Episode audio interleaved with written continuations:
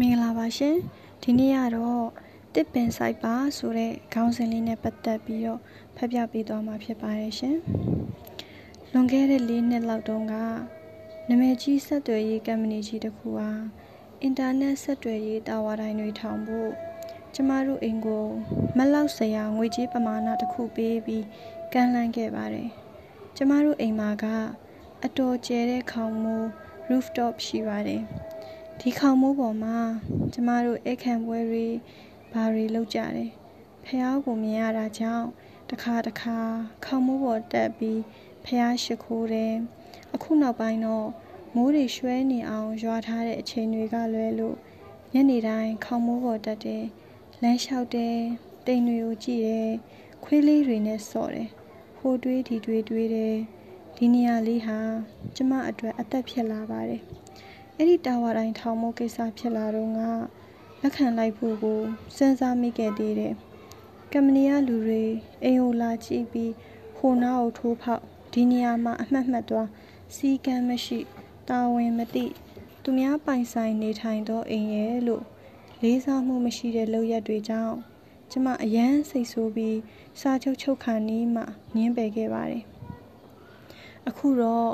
ကိုယ့်ရဲ့ easement တတောင့်တက်တာနေရာထိုင်ခင်းလေးတစ်ခုကိုငွေနဲ့ရောင်းမစားခဲ့မိတာကိုပဲကံကောင်းလိုက်တာလို့တွေးရင်ကျေးဇူးတင်နေခဲ့မိတယ် physical and environmental aspects ရုပ်ပိုင်းဆိုင်ရာပတ်ဝန်းကျင်ဆိုင်ရာအခြေအနေတွေဟာကျမတို့ရဲ့စိတ်ကို ပြောင်းလဲသွားဖို့အများကြီးအထောက်အကူပြုတယ်အမြဲထိုင်နေကြအိမ်ထဲမှာထိုင်မနေဘဲနဲ့အနီးအနားမှာရှိတဲ့ ပန်းချံကလေးတစ်ခုကိုသွားမယ်လမ်းကလေးတစ်ခုမှာလမ်းလျှောက်မယ်ပေါ့တချို့နေရာလေးတွေမှာတဘာဝအတိုင်းသူ့အလိုလိုလှပနေတဲ့လမ်းကလေးတွေရှိတတ်ကြပါတယ်ဘေးနှစ်ဖက်စလုံးမှာတစ်ပင်တွေ၊နွယ်ပင်တွေအလေးကျပေါက်ပင်လေးတွေနဲ့လမ်းကြည့်တော့လဲမြီနီလမ်းကလေးသူ့အလိုလိုစိမ့်များလှပတိတ်ဆိတ်ငြိမ်းချမ်းမှုကလေးရှိနေတယ် ကျမတို့အိမ်သားမှာဆိုရင်ရေကန်တကန်ရှိတယ်။ကံပတ်လန်းကလေးရလည်းတတရရဖြောင်းဖြောင်းဖြူဖြူကလေးရှိတယ်။တခါတလေအဲ့ဒီရေကန်ဘေးရလန်းကလေးမှာလမ်းသွားလျှောက်တယ်။ကို့အိမ်နေရအလုတ်နေရပတ်ဝန်းကျင်ကဒီလိုตาရတဲ့နေရာမျိုးလေးတွေကိုအညောင်းပြေအညာပြေလမ်းလျှောက်ရင်ငှက်ကလေးတွေကိုအစာသွားကျွေးမယ်။ထိုင်လို့ရတဲ့တစ်ပင်အောက်ကလေးကိုရေကန်ဆက်ကလေးလို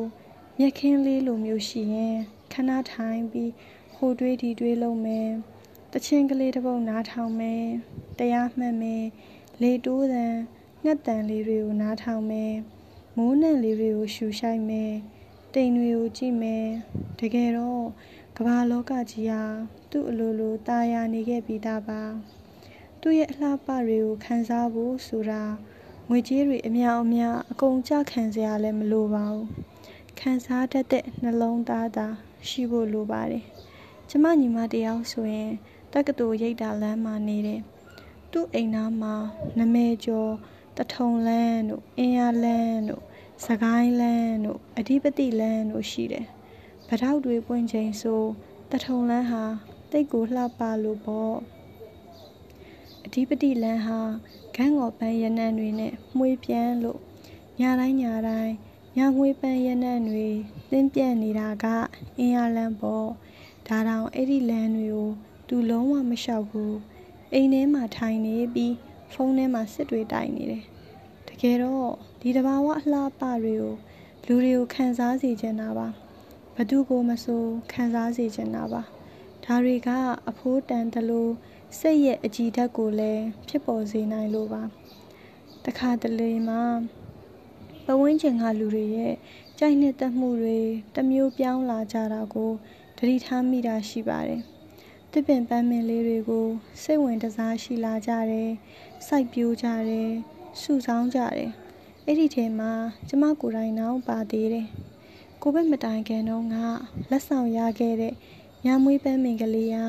အခုဆိုရင် အပွင့်နေစပွင့်နေခဲ့ပါပြီ။အဓိကကတော့ အိမ်ထဲမှာ နေလိုက်ရတဲ့အချိန်တွေမှာ လူတိုင်းဟာမွန်းကျက်မှုတွေအ ਨੇ အများမဆို ရှိလာကြတယ်ခရီးတွေသွားခဲ့တော့ကတွေ့မြင်ခဲ့ဘူးတဲ့တဘာဝအလှအပပတ်ဝန်းကျင်မြင်ကွင်းတွေကိုပြန်တရိယတတ်မှတ်လာကြတယ်။အဲ့ဒီအခါကိုနဲ့အနီးဆုံးမှာထိတွေ့ခံစားလို့ရတဲ့တစ်ပင်လေးတွေအရွက်စိမ်းကလေးတွေကိုသဘောကျလာကြတယ်။အာယုံရောက်လာခဲ့ကြတယ်။တဘာဝနဲ့ထိစပ်မှု connection with the nature ကိုသဘောထားတတ်လာကြတယ်။အချင်းချင်းဝေးမျှရင်နဲ့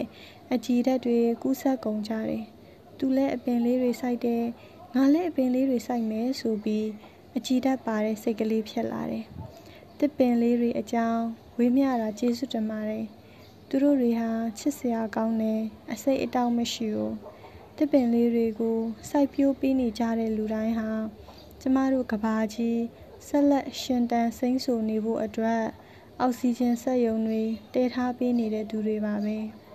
တသက်လုံးစိတ်ချမ်းသာခြင်းနဲ့ဆိုရင်တစ်ပင်ဆိုင်ပါစိတ်အကြည်ဓာတ်လေးတွေဖြစ်ပေါ်စေဖို့တဘာဝပတ်ဝန်းကျင်ကိုချစ်မြတ်နိုးပါ